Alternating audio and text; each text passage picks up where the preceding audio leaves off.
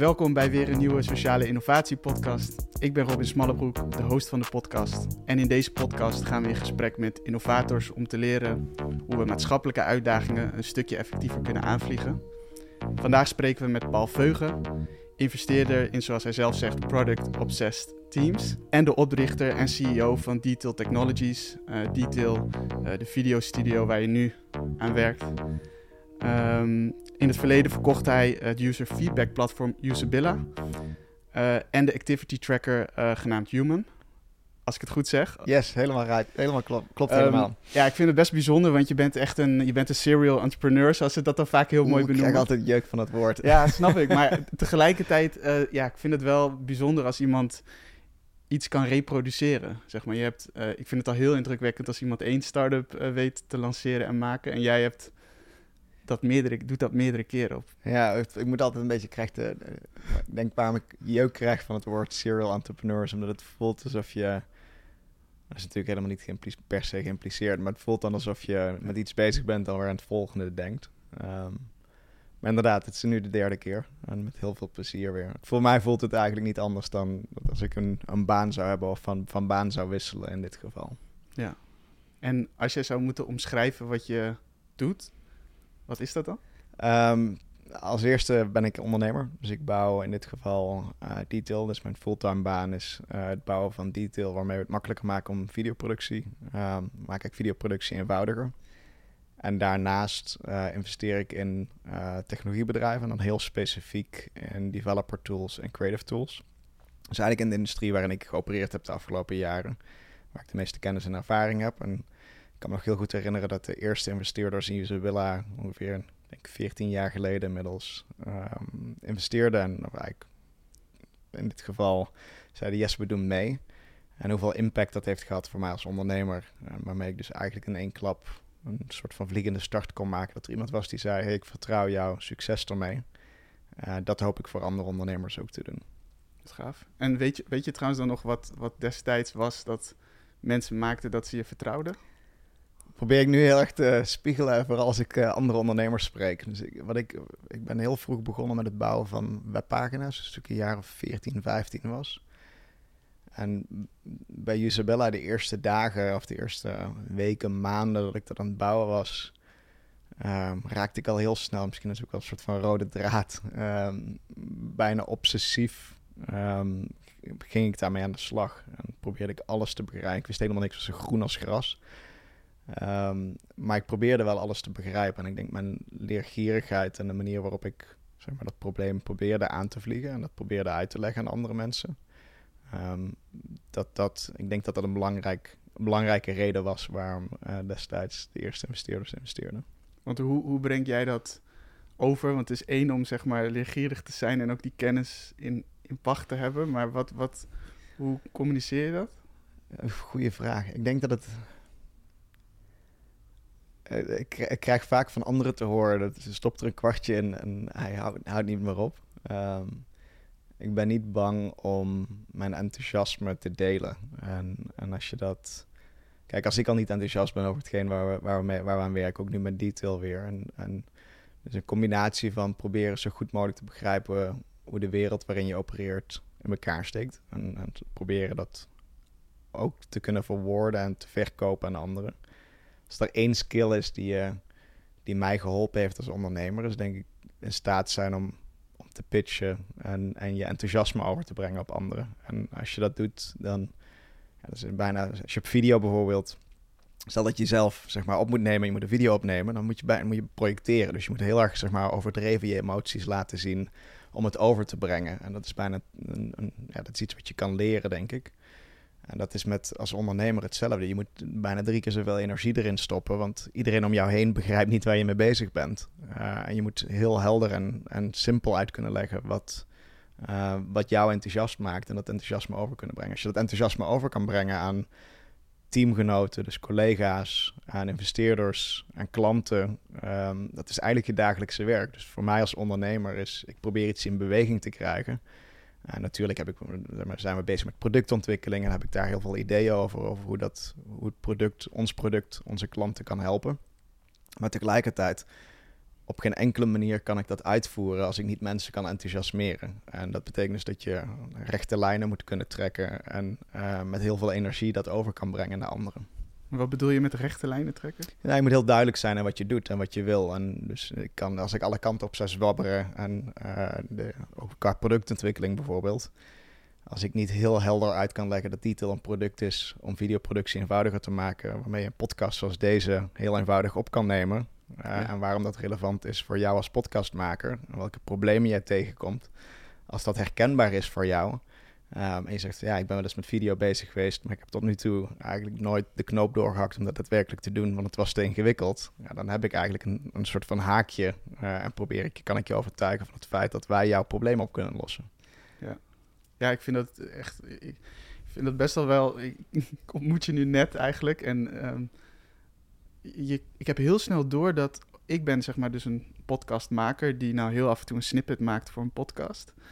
Uh, en daar Premiere Pro voor gebruikt en inderdaad aangeeft dat ik dat lastig vind. En eigenlijk kan je mij ook gewoon de tutorial, dus zeg maar, je bent de CEO, oprichter van die tool, ja. Uh, van Detail. Maar tegelijkertijd kan je mij hier ook zomaar de tutorial geven. Ja, ja dus, en ik denk, ja, misschien is dat ook wel als je... Uh, ik heb gewoon echt heel veel plezier in wat ik doe. En, en, um, en ik vind...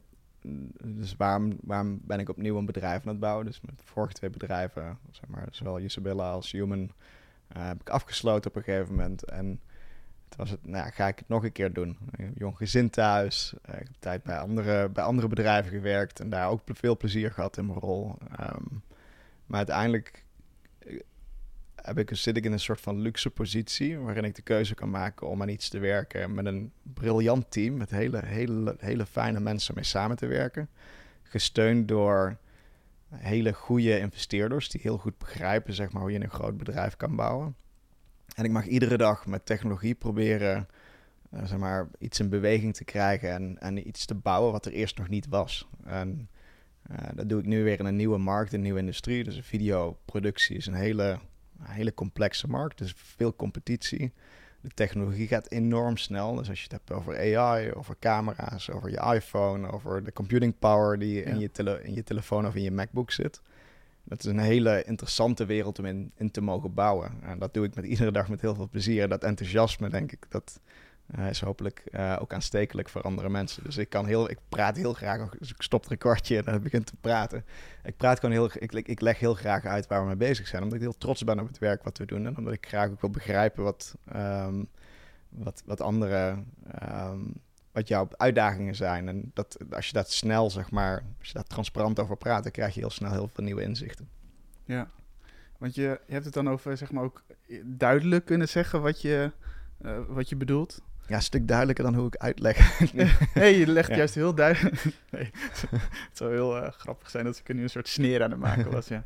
Nee, uh, um, wat ik wel bijzonder vind is van je zegt van ja, dat is dan het simpel uitleggen. Maar tegelijkertijd weet ik ook, zo, als ik bijvoorbeeld dat even naar mezelf probeer toe te brengen, dan denk ik, oh ja, ik kan ook enthousiasme hebben. Ik kan ook wel diep dingen ingaan, maar ik vind het vaak heel lastig om ze duidelijk, heel simpel uit te leggen. Dus dan maakt het me gelijk nieuwsgierig van, heb jij bouw jij op een soort van principles? Heb jij iets daaronder liggen waarvan je denkt van, oh ja, dat, dat zijn voor mij uh, hulpmiddelen om duidelijk te zijn?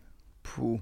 Um, nooit, nooit heel goed over nagedacht. Nee, en, en um, een van de dingen ook, ook toen ik bij, als je bij, bij een, ik noem een ander voorbeeld, toen ik bij, ik heb bij een, een snel groeiend bedrijf gewerkt. En het bedrijf op een gegeven moment, kwam binnen, waren ze 150 mensen. En goede twee jaar later waren het 450 mensen.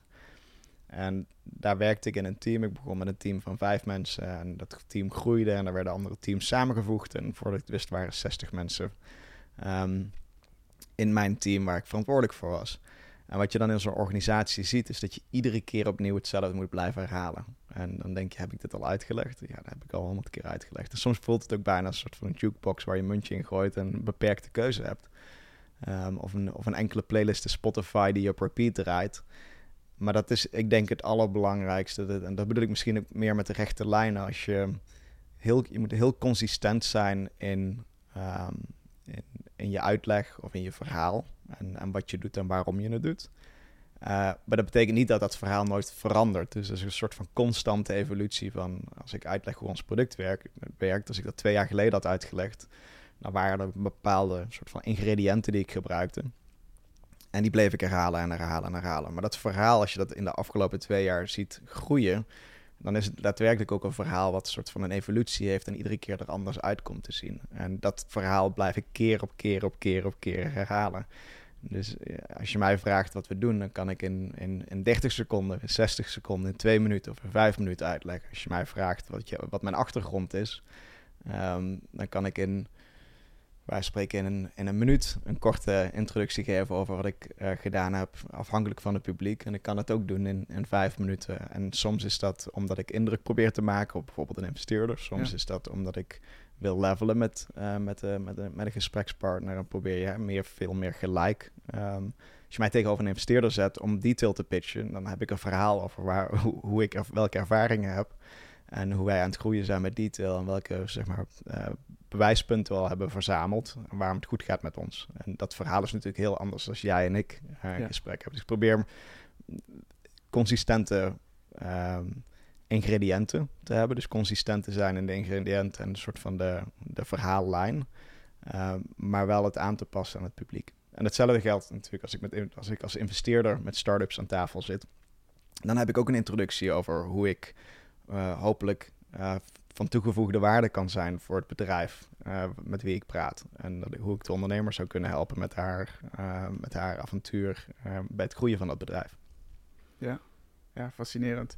Ik wil je dan eigenlijk bijna de vervolgvraag stellen. Misschien stel ik hem toch gewoon. Als je het dan hebt over ingrediënten, wat voor ingrediënten? En dan snap ik, dit zijn allemaal contexten, dus dan worden de variabelen heel groot. Maar als je bijvoorbeeld hebt, als je praat tegen een een, een development team. Of niet per se, gewoon het product team. Dus die het hele product aan het maken zijn. Zijn er dan bepaalde ingrediënten voor jou die dan... Nou, als, als ik, zeg maar, ons eigen team intern is natuurlijk heel erg, um, zijn we heel erg gefocust op um, hoe bouwen we een product wat vandaag waardevol is. En tegelijkertijd we een soort van lange termijn visie over hoe je videoproductie uh, beter kan maken. En dus voor ons zijn ingrediënten bijvoorbeeld um, de workflow van jou als maker. Dus het begint ergens hoe we nu tegenover een camera zitten of hoe er een camera meedraait. Die moet klaargezet worden, die moeten aangezet worden, vervolgens druk je op record.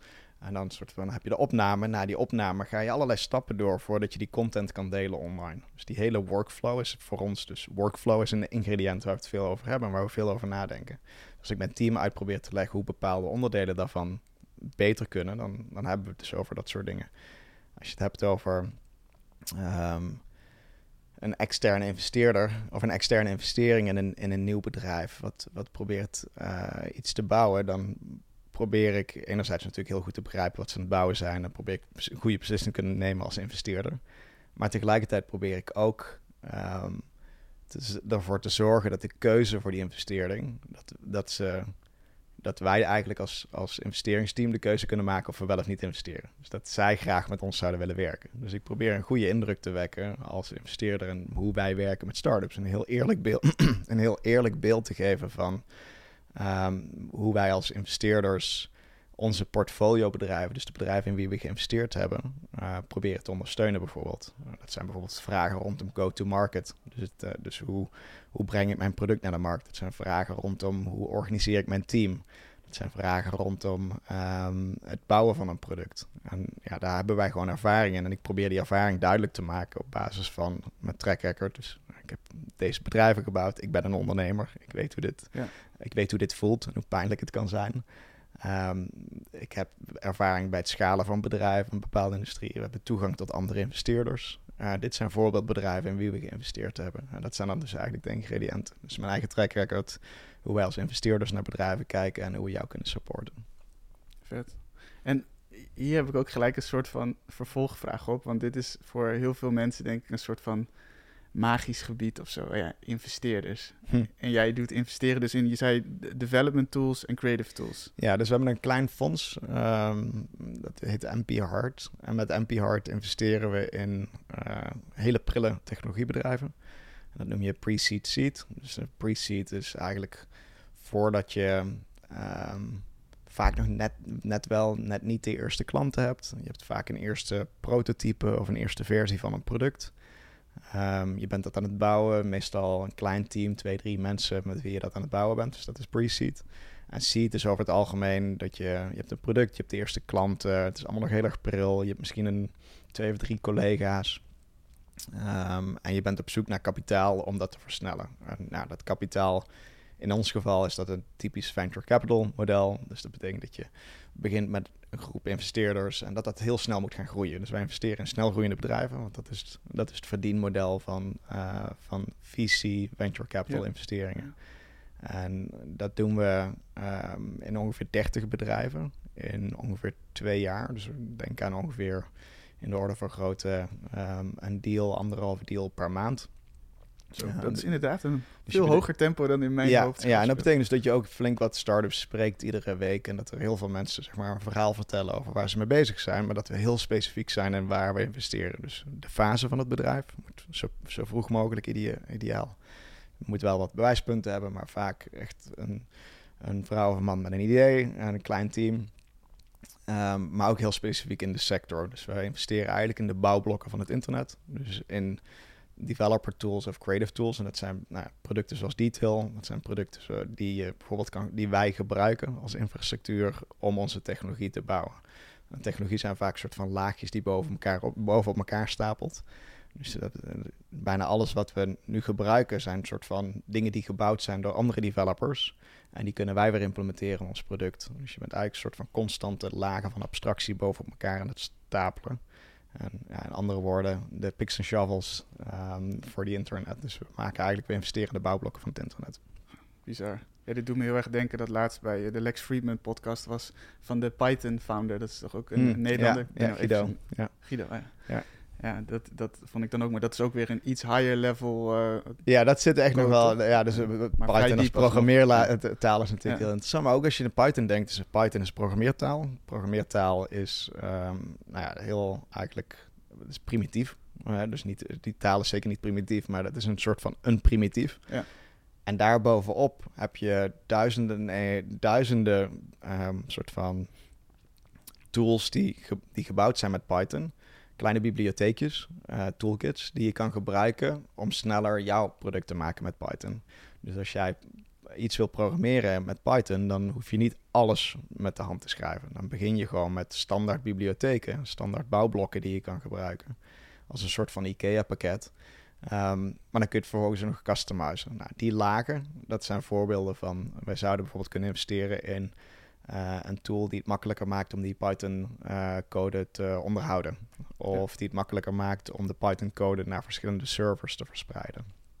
Of uh, die een tool waarmee je heel makkelijk um, nep-data kan genereren om mee te testen. Oh, of een tool die je zou kunnen gebruiken om je infrastructuur te testen. Of um, het kan ook een creëren. Dat zijn vaak is programmeren, maar veel van de programmeertooling wordt eigenlijk beetje bij beetje ook uh, no-code. Dus dan, heb je en dan kom je heel snel in creatieve tools. Dus als je nadenkt over, um, ik noem maar iets, het bouwen van een webpagina, dat kun je natuurlijk doen door zelf de code te schrijven en dus te ontwerpen en dan de code te schrijven en volledig van scratch alles te bouwen. Maar er zijn inmiddels ook meer dan genoeg tools waarmee, waarmee eigenlijk iedereen dat kan. Dus je kan met Shopify je eigen shop starten. Ja, ik gebruik zelf Squarespace dan. Dat is een heel goed voorbeeld, Squarespace. En dat zijn dus dat zijn voorbeelden waarbij je dus eigenlijk geen programmeur hoeft te zijn om dat te doen. Dus er is developer en creative tooling is er best wel wat overlap in. En dat is een soort van continuum, uh, een spectrum van dingen waarin we investeren. Ja, en dan, dit is al fascinerend, vind ik inderdaad, hoe groot dan die... Dat is eigenlijk dan nog best wel een groot gebied. Je maakt hem al heel narrow eigenlijk van oké, we zitten op creative en die development tools. Um, en dan vervolgens, en dan ga je ook nog eens pre-seed zitten.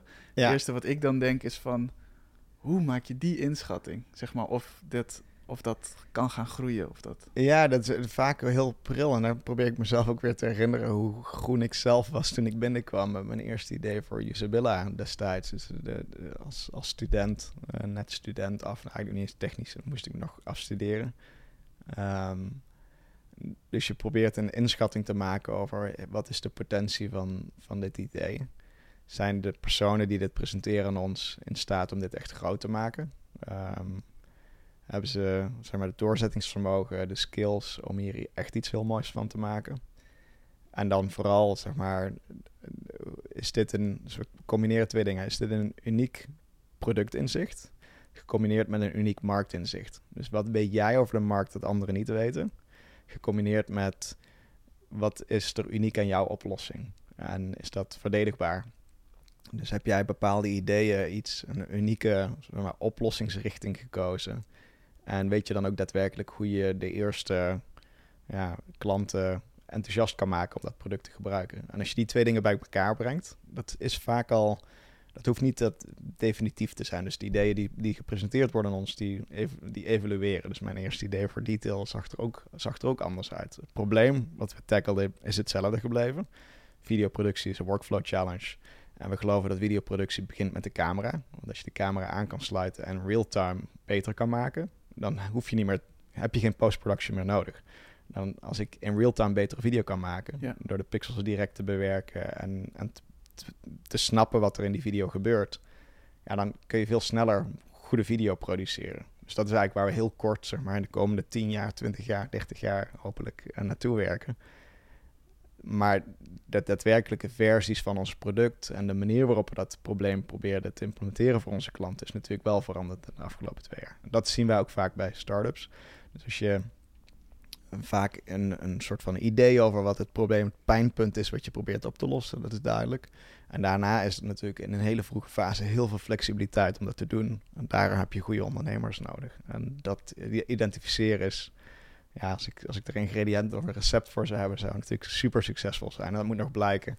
Ehm, maar dat doe je ook op een schaal waardoor je dus, waarom doen we 30 bedrijven? Is omdat je daarmee ook je risico verspreidt. En uiteindelijk gaat het erom dat daar 5 tot 10 bedrijven succesvol van gaan zijn.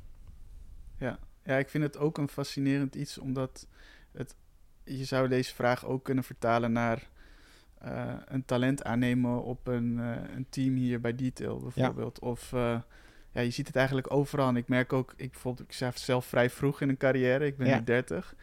En dan zelfs dan al merk ik soms dat je het gevoel kan verliezen met iemand die net van een studiebank afkomt en ook zegt van ik ga design thinken, ik ga faciliteren. Ja.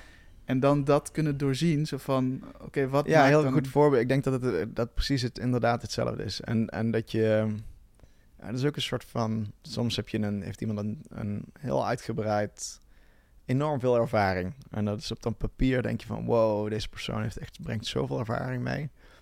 Maar dat is niet, betekent niet per se dat ze de beste persoon zijn in jouw team om in de context van het team en de andere collega's uh, succesvol te zijn. Om uh, een heel ambigu probleem op te lossen. Um, ervaringen uit het verleden zijn geen, geen garantie voor de toekomst dat is denk ik precies zo met, met, met mensen, eh, mensen ook. En hetzelfde geldt niet eens zozeer met ongeacht leeftijd of ervaring. Andersom kan het ook zo werken. Dus dat iemand al heel veel ervaring heeft opgebouwd, maar eigenlijk heel veel interesse heeft in een andere tak van sport. Uh, en die switch probeert te maken. En de ervaring uit het verleden is misschien heel anders, maar kan juist leiden tot nieuwe inzichten in een nieuwe rol vandaag. En we hadden het gisteren toevallig met onze engineering team zaten aan tafel waar we aan het lunchen. Dus we hebben over het algemeen werkt iedereen remote. Maar deze week is iedereen hier um, om, om een week, maar noemen we sprint, gewoon een week bij elkaar en samen te werken. En toen realiseerde ik me dat van ons engineering team eigenlijk niemand, als ik het goed zeg, een computer science degree heeft. Dus um, echt um, uh, ja, informatica gestudeerd heeft. En dat is een, in, in een andere organisatie waar ik gewerkt heb, was dat een harde eis. Dus daar werd, werd, werden mensen niet eens uitgenodigd voor een gesprek. Uh, bij sommige bedrijven, met name Silicon Valley. Als ze niet naar de juiste school waren geweest. Dus, dus ik keek naar de universiteitenlijst en dan kreeg ik terug van ja, nee, die gingen naar een die universiteit. Dat is, ja, dat is, is het MIT of Stanford? Ja, het is niet echt, het is een B-universiteit. Hoeven die hoeven personen, tenzij ze echt hele, hele bijzondere ervaring hebben. En ik keek naar die lijst van, van universiteiten en ik dacht, ja, ik ken, de, ken deze universiteiten niet. Ik heb, ik heb zelf geen informatica gestudeerd en het, ik kom niet uit de VS. Dus die hele pickorde en hiërarchie is voor mij helemaal niet zo relevant. Bij mij in de teams met wie ik gewerkt heb in het verleden... waren juist de, de, de beste collega's met wie ik samengewerkt heb... hadden helemaal geen specifieke opleiding. Of weet ik niet eens eens van welke opleiding ze gedaan hadden. En dus we hadden het er gisteren toevallig tijdens het teamlunch hadden het erover. Ja, wat voor opleiding heb je eigenlijk gedaan? Ja. Terwijl op sommige andere plekken is die opleiding en, en zeg maar dat hele, de hele cv veel belangrijker in de selectie, in de voorselectie al. En ik ben daar redelijk, zeg maar, het is niet dat ik er niet naar kijk als we met, met kandidaten spreken. Ehm, maar het is een van de dingen die we proberen te toetsen in een gesprek. En dat is lang niet altijd zeg maar, het belangrijkste. En wat, wat is dan wel voor jou een indicator? Want je zei net ook van, oké, iemand moet in ieder geval kunnen articuleren. Bijvoorbeeld als het moment dat je het weer even naar die investeringssetting brengt. Bijvoorbeeld van, oké, ik kan articuleren, dit is de marktkans. Dit is de, hoe we dat als de productkans. Ja. Een soort van, zijn er nog een paar dingen waarvan je denkt van, oh ja, dat is iets wat je kan signaleren? Um, er zijn een paar dingen. Eén is vuur. Um, dus heb je echt gewoon vuur en enthousiasme. Geloof je, heb je. En soms is dat lastiger te zien. Niet iedereen presenteert het op dezelfde manier. Ik denk dat je daar heel voorzichtig moet, voor moet zijn. Maar ja, ik ben wel op zoek naar mensen die. Je, moet wel echt een enorme drive hebben om een bedrijf te starten in een bepaalde industrie. Uh, vaak heel erg competitief of heel niet voor de hand liggend. Dat zijn de beste investeringen. Ehm, je moet wel drive hebben om dat vol te kunnen houden. Dus als je die energie niet enigszins hebt en er geen spark is en geen vuur in jouw ogen op het moment dat je dat je, je verhaal vertelt, ja, dan, dan, dan vind ik dat, dat, ik denk dat dat key is. Als ik terugdenk aan hoe ik zelf uh, bedrijven, uh, het is gewoon niet, er zijn hele grote, hele lange periodes die niet leuk zijn. Ja. uh, is self-inflicted pain in dat opzicht. En juist op de momenten dat je dat dingen kut gaan, moet je doorduwen. En, en, uh, en soms ook niet. Maar in, uh, je hebt behoorlijk wat doorzettingsvermogen nodig om de wereld ervan te overtuigen dat jij überhaupt relevant bent als, als ondernemer of ondernemers. Um, dus dat is één. En de andere is um, een soort van dat operational rigor. Dus uh, doe je wat je zegt dat je gaat doen. Um, ben je consistent in je acties en heb je eigenlijk je zaakjes op orde. En dat had ik zelf denk ik niet een hele vroeg in mijn carrière, maar dat is vooral een investeringsproces. Um, een follow-up e-mail nadat je gesproken hebt. Uh, als ik vraag om uh, aanvullende informatie, krijg ik die dan ook zonder dat ik er zelf. Ik, ik ga zelf geen. Ik ga jou niet vragen om je huiswerk te doen. Dus, ja. en, en waarom ik dat belangrijk vind, is omdat dat er zijn heel veel dingen die jij niet, zeg maar, die niet binnen jouw controle vallen, waar je niks aan kan doen. In, in het dagelijkse. En je, zeg maar, je gaat kokjes wagen in de markt, je gaat bepaalde dingen proberen. Maar er zijn ook dingen die wel binnen jouw controle vallen en waar je wel controle over kan uitoefenen. Dus als je die dingen waar je wel controle over hebt, goed op orde hebt, dan hoef je daar in ieder geval geen zorgen om te maken. Of dat nou gaat om uh, je administratie gewoon bijhouden of bij laten houden.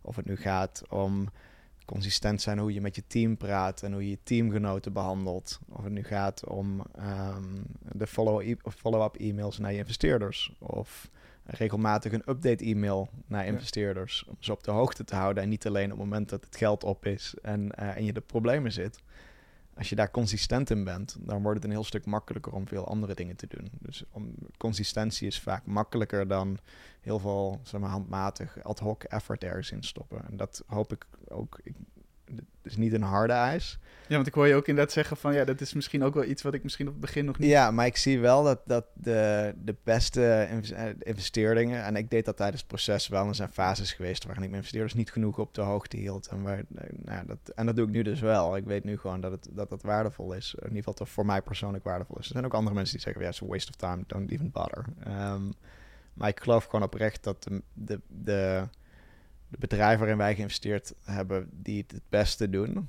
die laten vaak ook dat zien. Dus die laten zien dat ze operationeel gewoon zaakjes op orde hebben. En dat er ritme en regelmaat zit in wat ze doen. En die ritme en regelmaat, um, omdat het allemaal al chaotisch is. Als je gewoon ritme aanbrengt in wat je doet, dan worden dingen best wel een stuk draaglijker en beter te overzien. En ook voor je team duidelijker. En, en ja, dat, ik, ik geloof gewoon heel erg in ritme en regelmaat. Ja, misschien zit er ook wel een verschil tussen iemand die gewoon zich niet bewust is dat hij ergens dat nog kan aanbrengen, versus iemand die het helemaal niet heeft of zo. Dat Ja, en, en soms komt het niet natuurlijk. Voor mij is het niet natuurlijk. Maar ik heb wel andere teamgenoten die daar veel beter in zijn, die mij accountable houden. Um, En, en dus in productontwikkeling is het voor mij wel heel natuurlijk. Maar als je het hebt over ehm, die investor update, dat is voor mij een agenda item. En daar heb ik mezelf afgesproken. Die gaat gewoon de eerste maandag van de maand, er iedere maand uit. En uh, we zitten nu bij update 28 of zo, of 27. En ik heb hem nog niet één keer gemist. En het liefst stuur ik hem op de eerste van de maand. Want dat is wat, hoe we het hoort, hoe we het willen doen. Ja. Dus als je daar voor jezelf ook streng in bent, um, ja, dan wordt het een stuk makkelijker. Maakt niet uit of die update, uh, waar spreken 15 pagina's lang is of uh, eh, 10 bullets. Uh, je kan hem sowieso sturen, zo moeilijk is het niet. En dus voor mij zijn dat ook kleine dingetjes waarmee ik um, eigenlijk mezelf en met mijn team accountable houden om, om, om dat ritme aan te houden. En dat leidt tot, zeg maar, als bedrijf zijn we, mijn, als, als early stage startup is mijn doel om sneller te bewegen dan wie dan ook. Want ja, dat is de, het spel wat we gekozen hebben om te spelen. Want we hebben extern kapitaal opgehaald. Dat is, het hele doel is om zo snel mogelijk een groot bedrijf te bouwen. En een succesvol, een succesvol bedrijf te bouwen wat, wat veel klanten kan helpen. En waar klanten bereid zijn om te betalen voor ons product.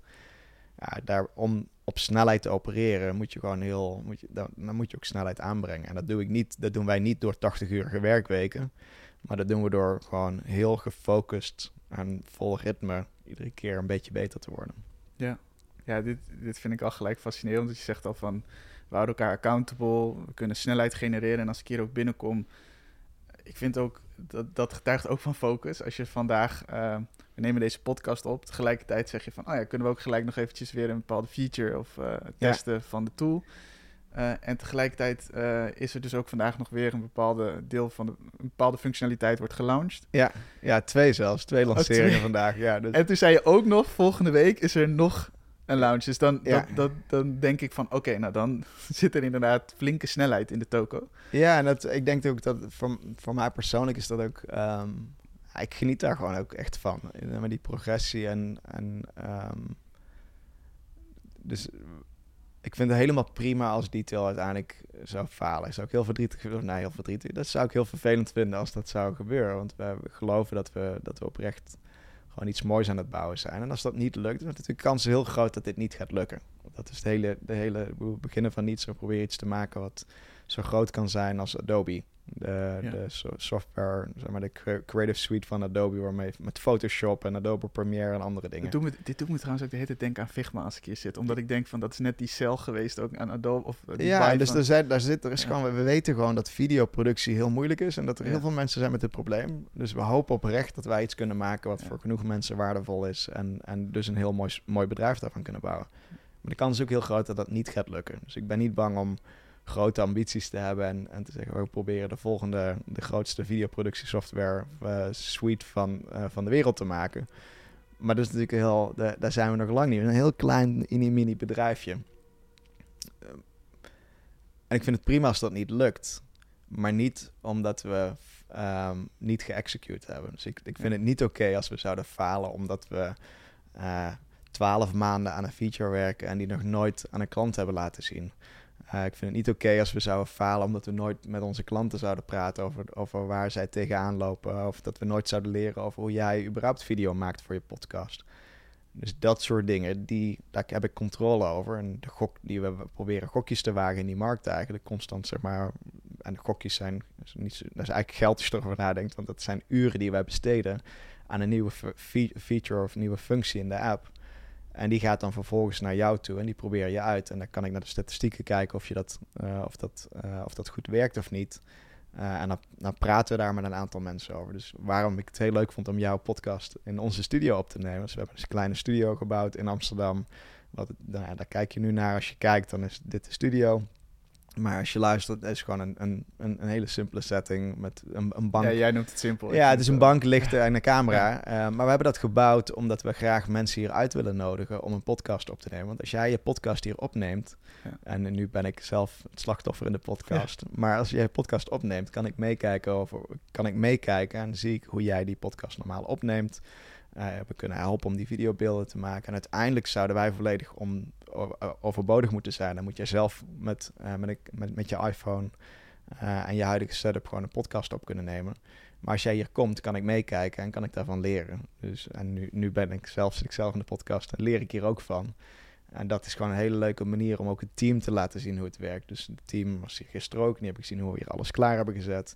Die krijgen ze om de recording van deze podcast te zien. En dit project wat we nu gebruiken, dus deze opname, gaat zo direct naar een harde schijf, naar een van de engineers. Want we hebben een bepaalde bug die proberen op te lossen. En die kunnen vervolgens deze opname gebruiken om te kijken of alles goed werkt. En dan hopelijk kunnen we volgende week deze versie lanceren waarmee we nu opnemen. Wauw. Ja. ja, want maakt me nieuwsgierig naar nog veel meer van... Zou je een beetje het ritme kunnen uitleggen van hoe, jij, hoe jullie sprinten eigenlijk van een... Oké, we willen iets, iets maken.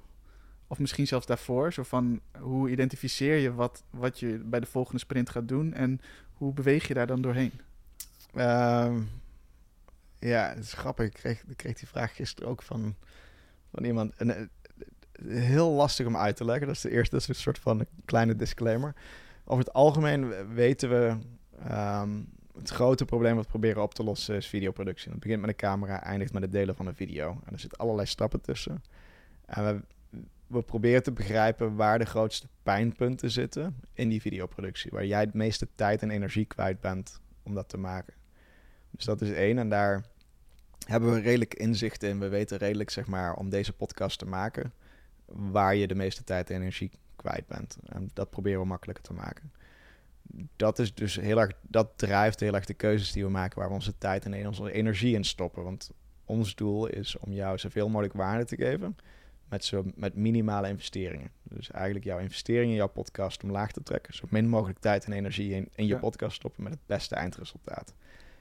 En daar komen ideeën en features uit. Eén dat stapje daarvoor. Hoe weet je dat? Is dat zeg maar omdat jullie soort van user interviews doen? Of is het een beetje zoals, ik heb Usabilla nooit gebruikt, maar is het inderdaad zo'n soort tool dat je heel goed je analytics op orde hebt van... Dat is deel, maar we zijn eigenlijk, ik denk dat we in, vooral in een hele vroege fase nog heel erg um, proberen te in het begin zijn er geen statistieken. Dus helemaal in het begin zijn er geen statistieken. En dan kijk, wat we gedaan hebben, is we keken naar de markt. We keken naar de huidige tools. We keken naar de, zeg maar, de huidige workflow. Dus hoe je nu op dit moment um, bepaalde video's opneemt. En of dat nou, we hebben het veel over podcasten, maar je kan ook tutorial, dus detail is ook heel goed voor, voor tutorial video's. Ja. Binnenkort ook een mobiele app waarmee je korte shorts en stories kan opnemen. Maar als je naar die processen en naar die, naar die toolkit kijkt, dan zit er bijna iedereen focust op het editen. Dus als je eenmaal de videobestanden hebt, kun je die maken? En dat is vaak een heel ingewikkeld proces. Dus als je die editors opent, zijn ze vaak heel erg intimiderend. Dus dat zagen we. En dat gecombineerd met het inzicht dat de toekomst van een camera is een connected device. Dus dat een camera is niet, niet langer meer een betere lens en een betere sensor. Maar het is de informatie die eruit komt, kan nu 30, met 30 frames of 60 frames per seconde. Dat is de snelheid van videobeeld. Ja. Video is gewoon statische plaatjes achter elkaar geplakt. Net als dat jouw iPhone, als jij een, een portretfoto maakt, de achtergrond mooi blurt. Dat is hoe videoproductie eigenlijk je camera, alles in je, uit je iPhone is al heel zwaar geprocessed. Dus dat wordt al bewerkt, waardoor het plaatje er beter uitziet. Dus we lopen een beetje tegen de limiet aan van wat je met die sensoren en, het, uh, en, en de lenzen kan doen. Dus de volgende generatie is gewoon in real-time video bewerken. Dus in real-time proberen dat plaatje beter te maken. Dus dat wisten we ook. Nou, als je die dingen bij elkaar brengt, dan komen er gewoon. Dan, dan moet je gokjes gaan gokken gaan wagen van hey, hier geloven we dat de markt heen beweegt. En dit is hoe je daadwerkelijk iets heel anders kan bouwen in, in deze industrie. En daar zijn we mee begonnen. Het klinkt allemaal heel vaag en abstract. En dat is het denk ik ook. En op een gegeven moment komt daar gewoon een, komen daar ideeën uit. Uh, en hoe, ja, geen, ik, ik zit zelf heel diep in de technologie. Ik probeer heel zeg maar, te kijken welke bouwblokken we kunnen gebruiken om problemen op te lossen. Hetzelfde geldt voor AI. Dus als je denkt aan video en spraak. Spraak is tekst, tekst is data. Tekst kun je omzetten in uh, nu met AI in, in, samenvattingen. Samenvattingen kun je korte video's van maken. Dus uh, dat soort dingen veranderen heel snel. En onze gok is dus als wij dat hele proces kunnen overnemen dan kunnen we daar dus stappen uit gaan halen en, en vereenvoudigen. Waardoor je de, de handmatige, langdradige rotklusjes eigenlijk uit het proces kan halen. En het steeds leuker maakt en makkelijker maakt om creatief bezig te zijn met video. Ja. En dan is de toekomst van een Van als je denkt aan Office in, in de jaren in 2000, zeg maar het pakket Office met Word. Oké, ik dacht even aan de tv-serie. Ja, nee, Word, Excel en PowerPoint. Ja. De nieuwe generatie Office producten heeft een videotool. Want Ja. video is hoe we communiceren. En Dat is gewoon met remote bedrijven, met social media, bijna alles is video geworden. Maar de toolkit om dat te maken is eigenlijk nog steeds heel minimaal. Er zijn een groot aantal interessante producten. Maar het is nog steeds eigenlijk een soort van eerste generatie product, productie. En je weet gewoon dat er rondom video nog heel veel te optimaliseren is en makkelijker te maken. Ja. Ja, inderdaad. Want als ik nu denk aan de tools die ik kan gebruiken bij video... dat zijn een beetje van die Pro Tool-achtige... Ja, en dan heb je aan de- waar, waar, de meeste, waar heel veel innovatie plaats heeft gevonden, is natuurlijk aan de kant van Instagram, TikTok en andere. Als je daar de editors van bekijkt, dus hoe je een story kan maken op je tijdslijn of hoe je een Ja, Instagram reel. dat zijn ook editors. ja. Dat zijn editors. Alleen die zijn alweer heel erg, die verankeren jou in een bepaald één platform. Terwijl deze podcast gaat naar drie of vier platforms om hem te promoten. En dat betekent dus dat je niet per se verankerd wil zijn bij TikTok, in de editor van TikTok. En, dan heb je sowieso, TikTok is natuurlijk überhaupt een, lastig op dit moment qua regelgeving. En het zou goed kunnen zijn dat daar allerlei pushback gaat komen van de overheid. Dus je ziet dat er steeds maar makers zijn die op zoek zijn naar manieren om content te produceren, daar meer eh, eigenaarschap over te krijgen. Eh, en dat makkelijker cross-platform verspreiden. Dus deze podcast is, laten we zeggen, een uur of 45 minuten lang. En daar heb je 30 seconden video's van nodig om, je, om hem om als een soort van clips te gebruiken op andere plekken. Ja, dat is, dat, dat is begonnen met de opname hier. En dat gaat nu naar verschillende platforms. En dat proces is weer een workflow challenge. Ja. Dus dat zijn voorbeelden van dingen waar we op focussen. Ja, fascinerend. En ook trouwens, het, het ritme wat je vertelt komt op mij niet vaag over. Maar ik merk dat ik een eigen referentiekader heb die bijvoorbeeld meer in corporate innovatie zit. Of zeg maar bijvoorbeeld overheidsinnovatie. Ja, En iets wat ik al heel fascinerend vind, is wat jij zegt van ja, we, we proberen gewoon heel snel uit. Ja, heel concreet Misschien misschien een ritme. Als ik denk aan ritme, dan denk ik aan, aan weken, ehm, aan dagen, weken en maanden. Dus eh, een van de vragen die ik vaak aan start-ups stel is... hoe ziet je komende 90 dagen eruit? Want 90 dagen is een soort van mooie tijdsframe... waarin je, wat ga je, wil je in de komende 90 dagen bereiken? Daar kun je midden en lange termijn over, over denken. Vaak is lange termijn visie wel, wel helder. Van, ik wil de wereld veroveren. Ja. En dan is 90 dagen forceert jou om dat op te breken in stap 1, 2, 3. Dus om succesvol te zijn met eh, videoproductie, zijn we begonnen met eerst dit en daarna gingen we dat doen en toen gingen we dit doen. En dat kan klant hetzelfde. Dus we, we gaan eerst deze 10 podcasters enthousiast krijgen voor, voor ons product. Dan gaan we door naar makers van tutorials en product demo's. En daarna gaan we door naar marketeers. En dat zijn steeds groter steeds groter groeiende groepen waar ik me op kan focussen. En dat is een voorbeeld, een heel arbitrair voorbeeld. Dus, dus 90 dagen is nou, behapbaar, kun je over nadenken. Dat is redelijk, dat is een OKR bijvoorbeeld, een goal waarmee je dus. Objective Key Result, dit is waar we toe willen. En wij gebruiken vaak iets van drie, vier goals per kwartaal. En het maakt niet eens uit of dat het kwartaal, meestal zijn die dan, die hebben we pas klaar net in het nieuwe kwartaal. En soms loopt het over in het volgende kwartaal, maar we denken 90 dagen ongeveer. En daarna executen we vaak op weken, dagen. Dus we hebben bijvoorbeeld iedere vrijdag gaat er een beeld uit. En dat is een versie, een interne versie van ons product. Naar het team intern. Dus iedereen kan die versie installeren. En iedereen moet die versie uitproberen en testen. Dus iedere donderdag of vrijdag gaat die versie eruit. En een testcycle. En als die goed is, gaat die de volgende week naar, ehm, naar, naar het publiek. Dus wordt die op de App Store gelanceerd. En dat zijn voorbeelden waarbij je ritme aanbrengt op weekniveau.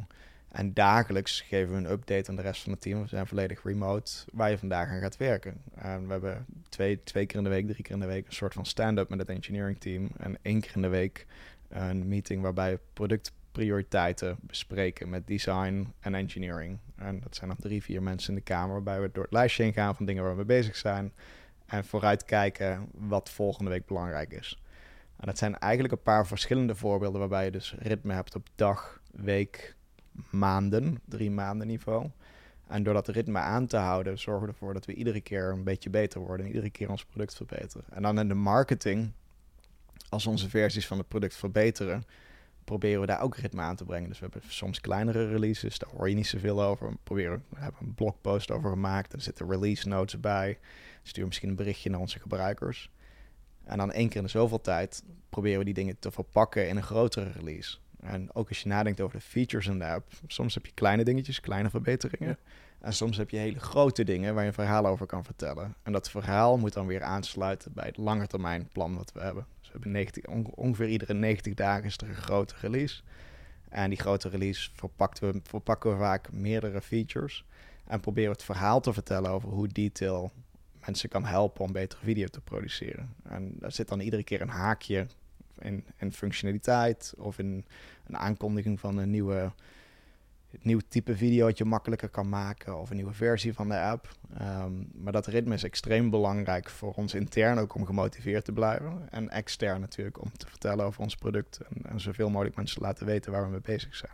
Ja, bijna net als die investeerder die ook wil dat die een bepaalde, hoe zeg je dat, laat zien dat hij bijvoorbeeld je terugmail, die follow-up mail doet, ja, wil je ook betrouwbaar zijn. Ja, ja. En, en ook investeerders, als je denkt, aan, als je stel dat je dus nadenkt over, het, uh, als je probeert investeerders te overtuigen van, van, een, uh, van jouw relevantie voor hun uh, businessmodel als investeerder, dan is een hele mooie blogpost van Mark Suster, Amerikaanse venture capitalist, um, die zegt, investors invest in lines and not in dots. Dus je investeren in een line, als je denkt aan een grafiek, daar staan punten op. En investeerders willen graag de lijn kunnen trekken. Dus van vandaag naar morgen naar overmorgen en de progressie kunnen zien. Dus de die lijn is, een is progressie, dus iedere keer een klein beetje beter. En datzelfde, geldt eigenlijk voor klanten en productontwikkeling. Dus dat ene punt in tijd is veel minder relevant dan zeg maar, de opeenvolging van, van meerdere zeg maar, datapunten eigenlijk waarmee mensen zien hoe je beweegt. En hetzelfde geldt voor een gebruiker. Een gebruiker kan vandaag binnenkomen en denken, hmm, dit is een heel fijn, leuk product en ik zie de potentie, maar ik mis deze twee, drie dingen. Ja, dan komen ze vervolgens, zeg maar, zien ze volgende week zien ze onze update. En er zitten steeds vaker dus ook de features in die onze gebruikers graag zouden willen zien. En over een maand komen ze nog een keer terug of zien ze een update-e-mail van ons.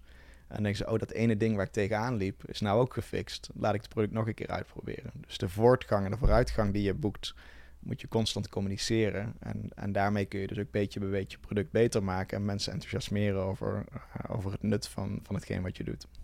Ja. ja, fascinerend ook hoe marketing en nou ja, die user feedback ja. en alles komt samen in een best Ja, dat is grappig. Soms met heel veel hoofden van, eh, van, ook als je in grotere bedrijven vaak kijkt, zijn dat silo's. Dus ik, nee, ja. Dat, dat, is iemand verantwoordelijk voor marketing, iemand is verantwoordelijk voor het product, iemand is verantwoordelijk voor engineering, iemand is verantwoordelijk voor de business kant, voor sales. Ik kan me nog herinneren dat ik op een gegeven moment uh, ik, uh, werkte bij, um, bij een bedrijf in, in San Francisco en ongeveer 400 mensen groot. En ik kwam daar binnen en mijn rol was product. product. Dus dat product is meestal zeg maar ergens tussen engineering en, um, en uh, de commerciële organisatie. Of engineering design en de commerciële organisatie. En ik stelde op een gegeven moment de vraag aan de CEO van... hey, kan ik aansluiten bij de sales meetings... waar de sales deals besproken worden? Ja, waarom, waarom zou je daar... Je zit, je zit in het product team, waarom zou je daarbij aanwezig willen zijn? Ik zeg, ja, ik wil graag weten welke enterprise deals er in de pipeline zitten... Want als ik weet welke deals te bewegen en welke bezwaren klanten meenemen of hoe deals gepresenteerd worden aan onze klanten, dan heeft dat, heel, dat heeft hele goede inzichten voor ons engineering team om te bepalen waar we als eerste aan moeten werken natuurlijk. En dan kunnen we wel een silo omheen bouwen, maar als ik daar direct aanwezig kan, als ik één keer in de week dat overzicht krijg, dan kunnen wij daar rekening mee houden, zodat jullie je deals kunnen closen op bepaalde bezwaren die misschien gefixt kunnen worden. En dat was voor hun een soort van, huh, wacht, maar dus juist die, die silo's doorbreken en teams dichter bij elkaar brengen. Dus product, marketing, engineering, go-to-market, hele operationele organisatie. Als je dat bij elkaar kan brengen, dan kun je als team veel effectiever zijn. Ja, en dan is het ook iets minder zwaar als je een keer miswingt of zo. Want dan ja, kun je het aanpassen. Ja. En het maakt het ook veel boeiender. Dus je krijgt ook een soort van wederzijds respect voor elkaars werk. En, en dat, ja, je kan toen als jij weet wat er gaat komen, uh, wat er gescheduled is in een roadmap, eh, dan, dan kun je daar rekening mee houden op het moment dat je de juiste customers probeert te vinden. En, en, en andersom hetzelfde. Dus als je bepaalde klanten probeert te winnen en je kan die features meenemen in de roadmap, daar heb je allemaal geen ingewikkelde systemen voor nodig om dat, te checken. We maken dat vaak heel erg ingewikkeld, omdat we een soort van op ons eilandje zitten en heel erg territoriaal zijn over wat wel en niet uh, jouw territorium zou zijn. Maar het is juist, als je denkt aan, aan dit soort aan, aan functies binnen een bedrijf en rollen, dan ben je eigenlijk Venn-diagram aan het tekenen. Dus een Venn-diagram heeft overlap. En juist zeg maar, waar die overlap zit, kun je Is heel een veel... Venn-diagram met van die cirkels? Ja, die dus dan waar ze overlappen. En dus dat Venn-diagram, als je nadenkt, ik noem maar iets, tussen ehm, ehm, marketing en engineering.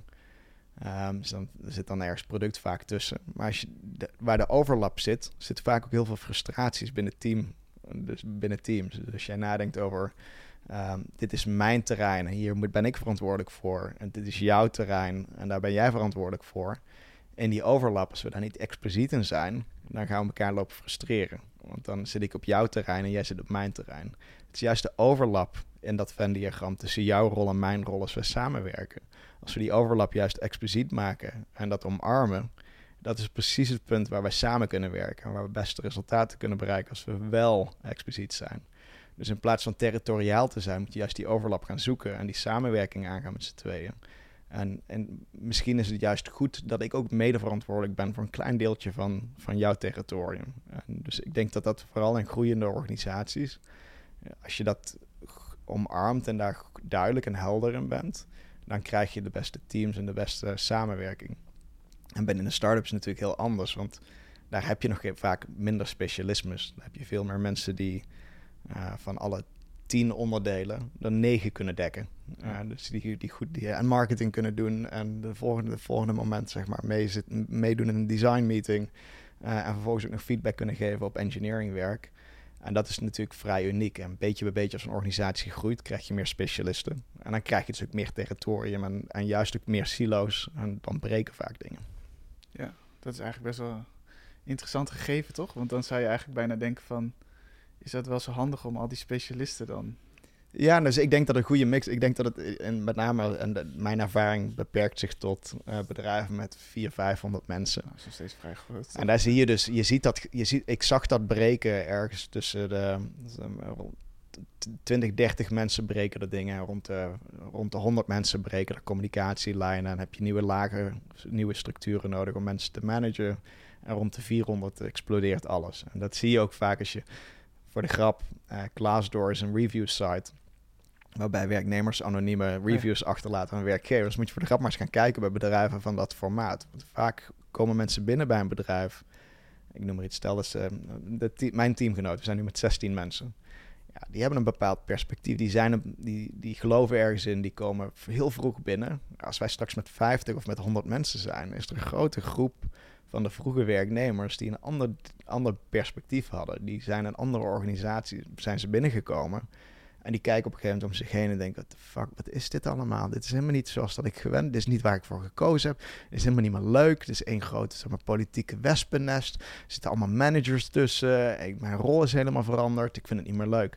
En ja, dus, dus als je organisatie groeit, groeit, krijg je natuurlijk ook andere rollen en andere rolverdelingen. En vaak is dat een soort van bijna reality distortion die mensen ook hebben. Dus je hebt een, plaat, een mentaal model van hoe het, hoe het werkt en hoe het was. En dat verandert. En als je niet verandert, dan, ja, dan gaat het sowieso niet lukken, ook als organisatie. Maar wat vaak bij die grotere organisaties, wat ik heb zien gebeuren, is dat je dus zo specialistisch gaat harden en de, de generalisten het niet meer leuk vinden. En dus eigenlijk de, bijna een soort van de, ja. Het cement ertussenuit vloeit. Alsof je een, een bakstenen muur probeert te metselen en, het cement is er in één keer niet meer. Dus als je heel bewust juist hele ondernemer. Dus waarom ik aangenomen werd bij die bedrijven was omdat ik een ondernemer was. En ze wisten ook dat ik beperkt houdbaar, houd, beperkte houdbaarheid had, want ik was waarschijnlijk snel verveeld. Um, maar mijn rol was juist de generalist zijn. Dus ik moest product engineering en go-to-market bij elkaar brengen. Dus dat zijn zeg maar van, van het verkopen van het product tot het bouwen van het product. Ik kon als ondernemer, omdat ik mijn als toen ik een start-up had, moest ik dat zelf allemaal doen. Ik dus ik heb een redelijk brede, ik ben eigenlijk een soort van um, een Zwitser zakmes. Dus dat, ja, dat mes is uh, heel minimaal. Het is een klein lamet. Het is niet echt een meest, het beste mes als je biefstuk wil snijden. En dan kun je brood eigenlijk ook niet meer doorkrijgen. Dus heel eigenlijk een kut mes. Um, en er zit een kurkentrekker op, maar een echte kurkentrekker werkt toch een stuk beter. En er zit een schaar op, maar dat zou je eigenlijk ook geen schaar kunnen noemen. Dus een, maar de combinatie van dat ding met, met de 10 of 20 verschillende tools is wel een handig ding om in je broekzak te hebben. Nou, ik zie mezelf in dat opzicht binnen die organisaties was ik een soort van Zwitser zakmes. Uh, zeker niet goed in sales, niet heel goed in, in, in engineering en, en een hele middel, middelmatige designer. Maar de combinatie van die dingen en het kunnen begrijpen van de, van de, zeg maar de uh, domeinen waarin andere mensen opereren, daarmee kon ik wel meer mensen bij elkaar brengen. En ja, dat heb je binnen een groeiende organisatie ook nodig. En ik denk dat het belangrijk is om, dat, om na te denken over specialisten en generalisten en dat, en dat goed samen te brengen. Vet. Goed, daar zijn we nog lang niet met detail.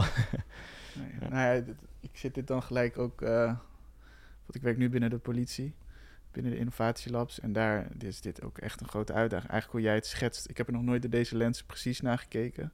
Maar wel dat ik denk van, ah ja, dit is inderdaad waar wij ook een beetje tegenaan. We zijn als lab eigenlijk een soort van meer de generalisten in die beeld met specialisten. En het is aan ons om genoeg vertrouwen, genoeg resultaten te creëren, zodat ze ons toelaten in die specialistische werelden en overlap te maken eigenlijk. Ja, het is heel leuk als je dus de generalist bent in zo'n organisatie en, en met, een, met een soort van ongeremde nieuwsgierigheid um, probeert je collega's te ondersteunen en te helpen. En, en dat begint ook met uh, respect hebben voor, voor, de, voor de specialisten. En, voor, voor de, en soms, hè, dus kan, wat ik vaak merkte was dat er dan frustratie was over het, begrip, het gebrek aan begrip voor, voor andere onderdelen van de organisatie bijvoorbeeld. Ja. En dat waren dan specialisten die heel erg gefocust waren op hun eigen dingen, maar niet zo goed begrepen wat er buiten die wereld uh, gebeurde. Terwijl je natuurlijk als generalist en als bepaalde onderdelen in, in bepaalde teamgenoten in zo'n organisatie kunnen heel goed juist die context brengen en andere mensen helpen te laten zien wat er nog meer gebeurt en waarom hun werk relevant is in een grotere context.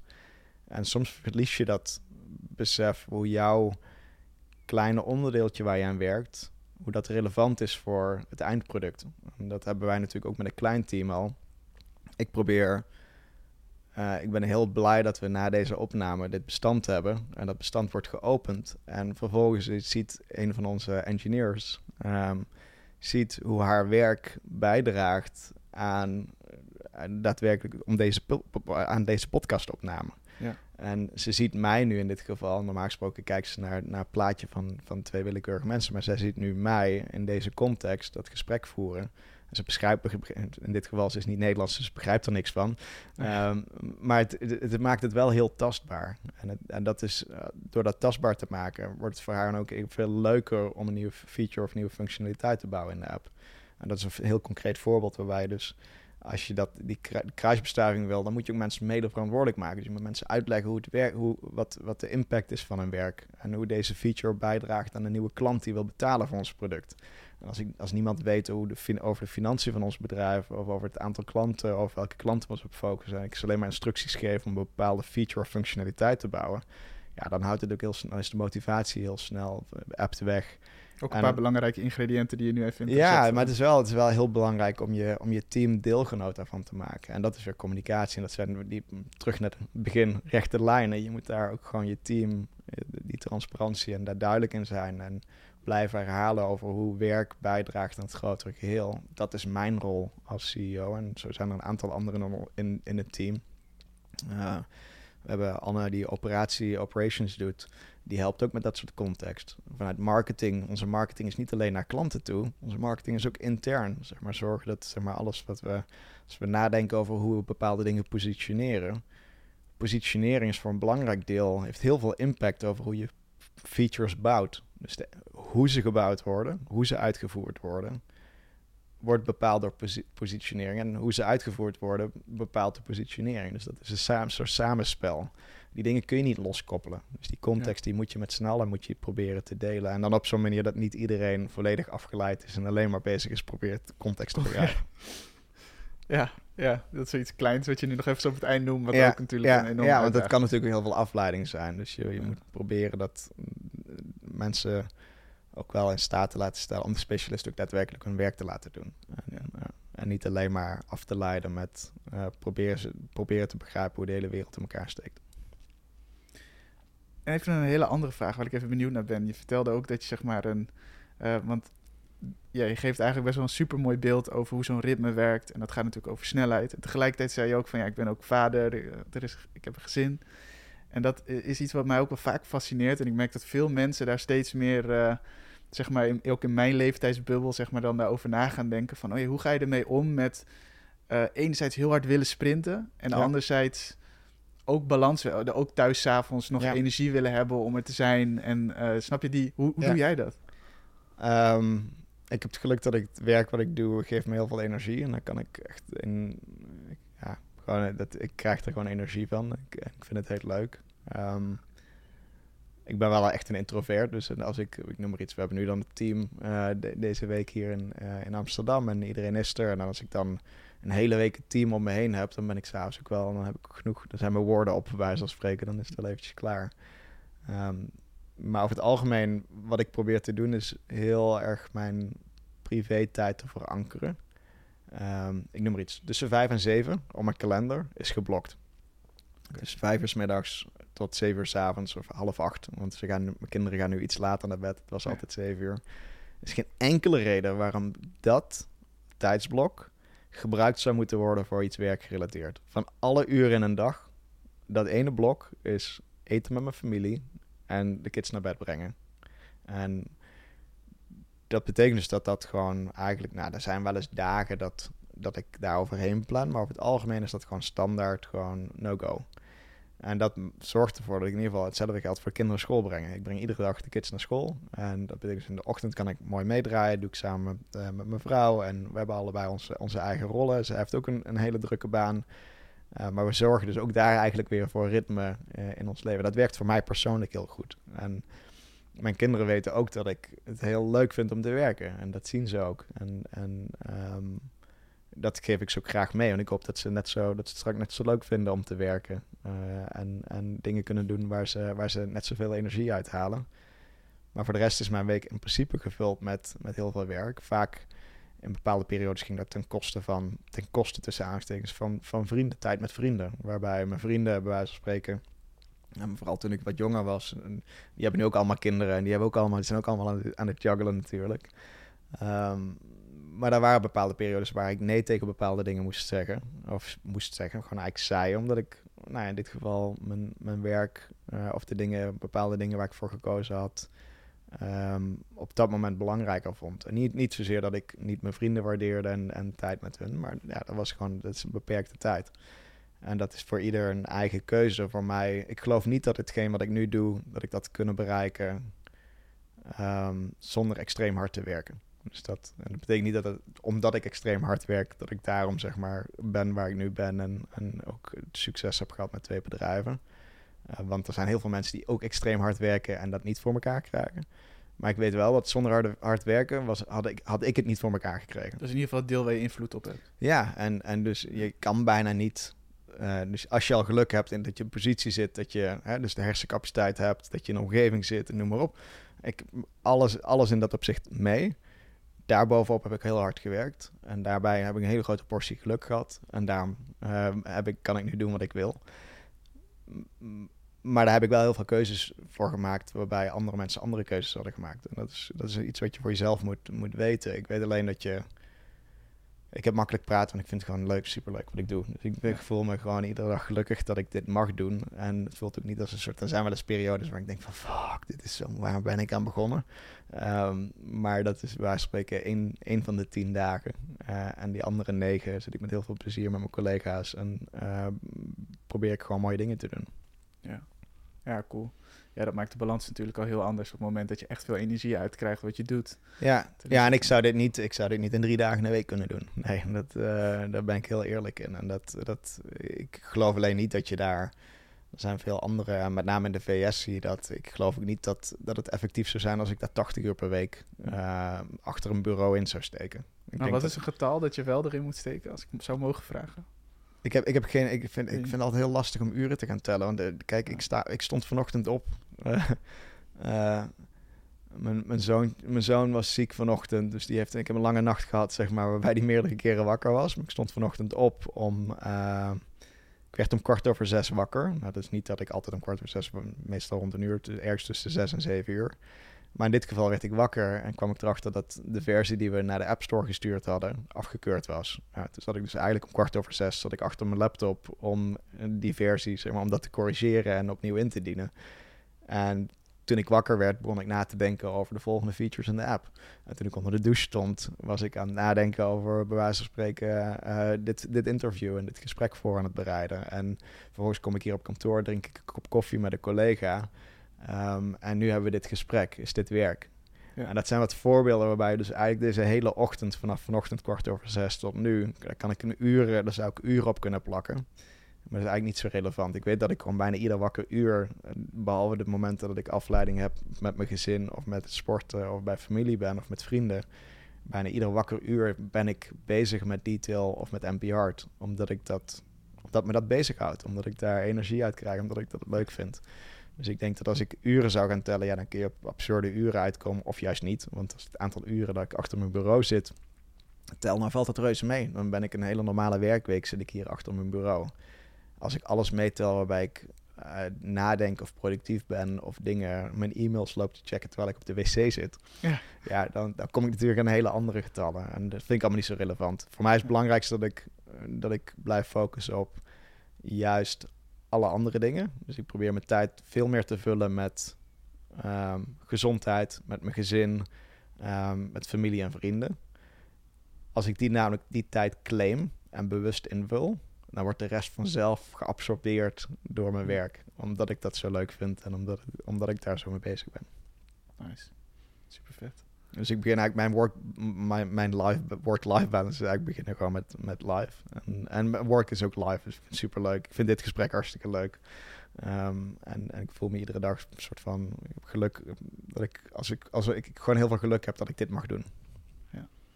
Ik heb eigenlijk alleen nog een afsluitende vraag voor je, want ik vind het heel leuk altijd op het eind te vragen of je nog of je een must watch, een, een favoriete jam en misschien nog wel zelfs een must-read ook hebt. Mag ik mijn telefoon erbij pakken? Ja, tuurlijk. Ja. Uh, must Jam, want ik, ja, je had me gelukkig voorbereid op deze vraag. Ja. Must Jam was, uh, ik, ben, ik luister echt, ik had toevallig gisteren met collega's erover dat ik, volgens mij is er een businessmodel voor iemand die je algoritmes kan hertrainen. Want mijn Spotify op dit moment is uh, extreem slecht geworden. Ik weet niet of ik kan mijn kinderen de schuld geven. Uh, waardoor ik alleen maar kinderpop um, krijg als suggesties. Maar mijn jam van dit moment is I'm, I Guess I'm Okay van Raccoon met een K. R-A-K-O-O-N. Oh, niet de Nederlandse Raccoon, nee. Nee, nee een andere Raccoon. Uh, en dat is gewoon toevallig degene die nu op repeat staat. Uh, dat, daar kan ik lekker bij werken. Een must watch. Ik heb echt de attentiespannen van een goudvis op dit moment. Dus ik kom niet ver, verder dan de beste Netflix-series. En we zijn op dit moment een oude classic aan het kijken en dat is Breaking Bad. En ah, die heb ik, dus mijn vrouw had die nog niet gezien.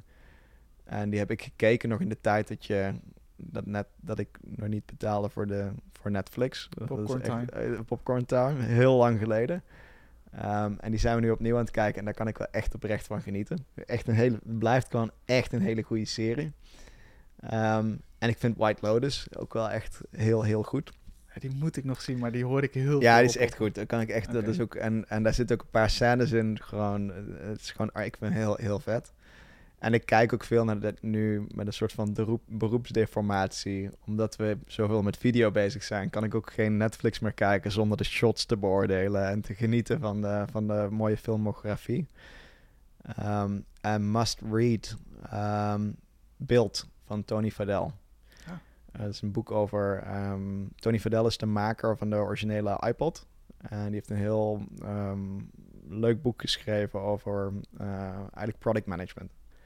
Um, veel van die boeken vind ik moi. Dat is vaak heel erg soort van systematisch en werkt misschien in grotere organisaties. Maar dit is een, ja, vond ik een heel leuk boek met veel praktische voorbeelden. En nou ja, hij, hij, deelt ook wat ervaring over zijn tijd bij, bij Apple. En is gewoon een hele, hele goede productmaker. Dus dat, uh, dat zou mijn read zijn. Beeld van Tony Fadell. Vet. Ja, dan gaat nu ook een vriend tegen me zeggen. Ik zei toch dat je dat boek moest ja, lezen. Kijk. Ja, Vet. Top. Leuk. Nou, dan wil ik je heel erg bedanken voor deze ja, super mooie setting waarin we de podcast maken. En een heel fijn gesprek. Graag gedaan. Dankjewel. Cool. En jullie ook bedankt voor het luisteren. Tot de volgende. Ciao.